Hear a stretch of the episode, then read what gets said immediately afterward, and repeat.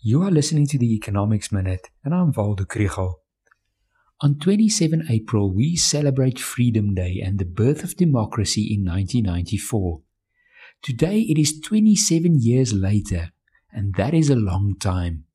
Nelson Mandela was in prison for 27 years, but for the economy, the so called long walk to freedom is far from over.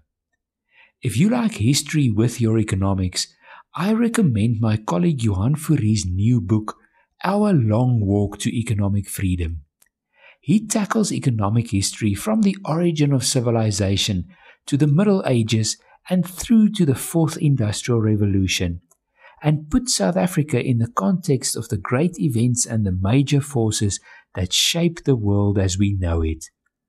In chapter 33, he gives a good summary of the economic history of the last 27 years.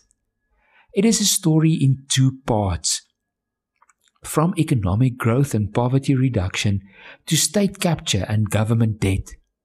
Right at the end, he makes a number of recommendations on how South Africa can return to a better life for all.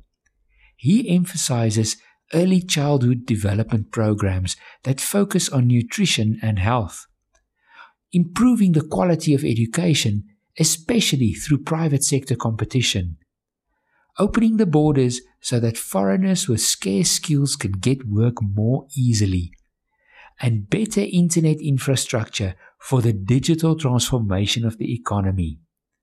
I say, buy Johan's book. It's going to help you understand history like an economist.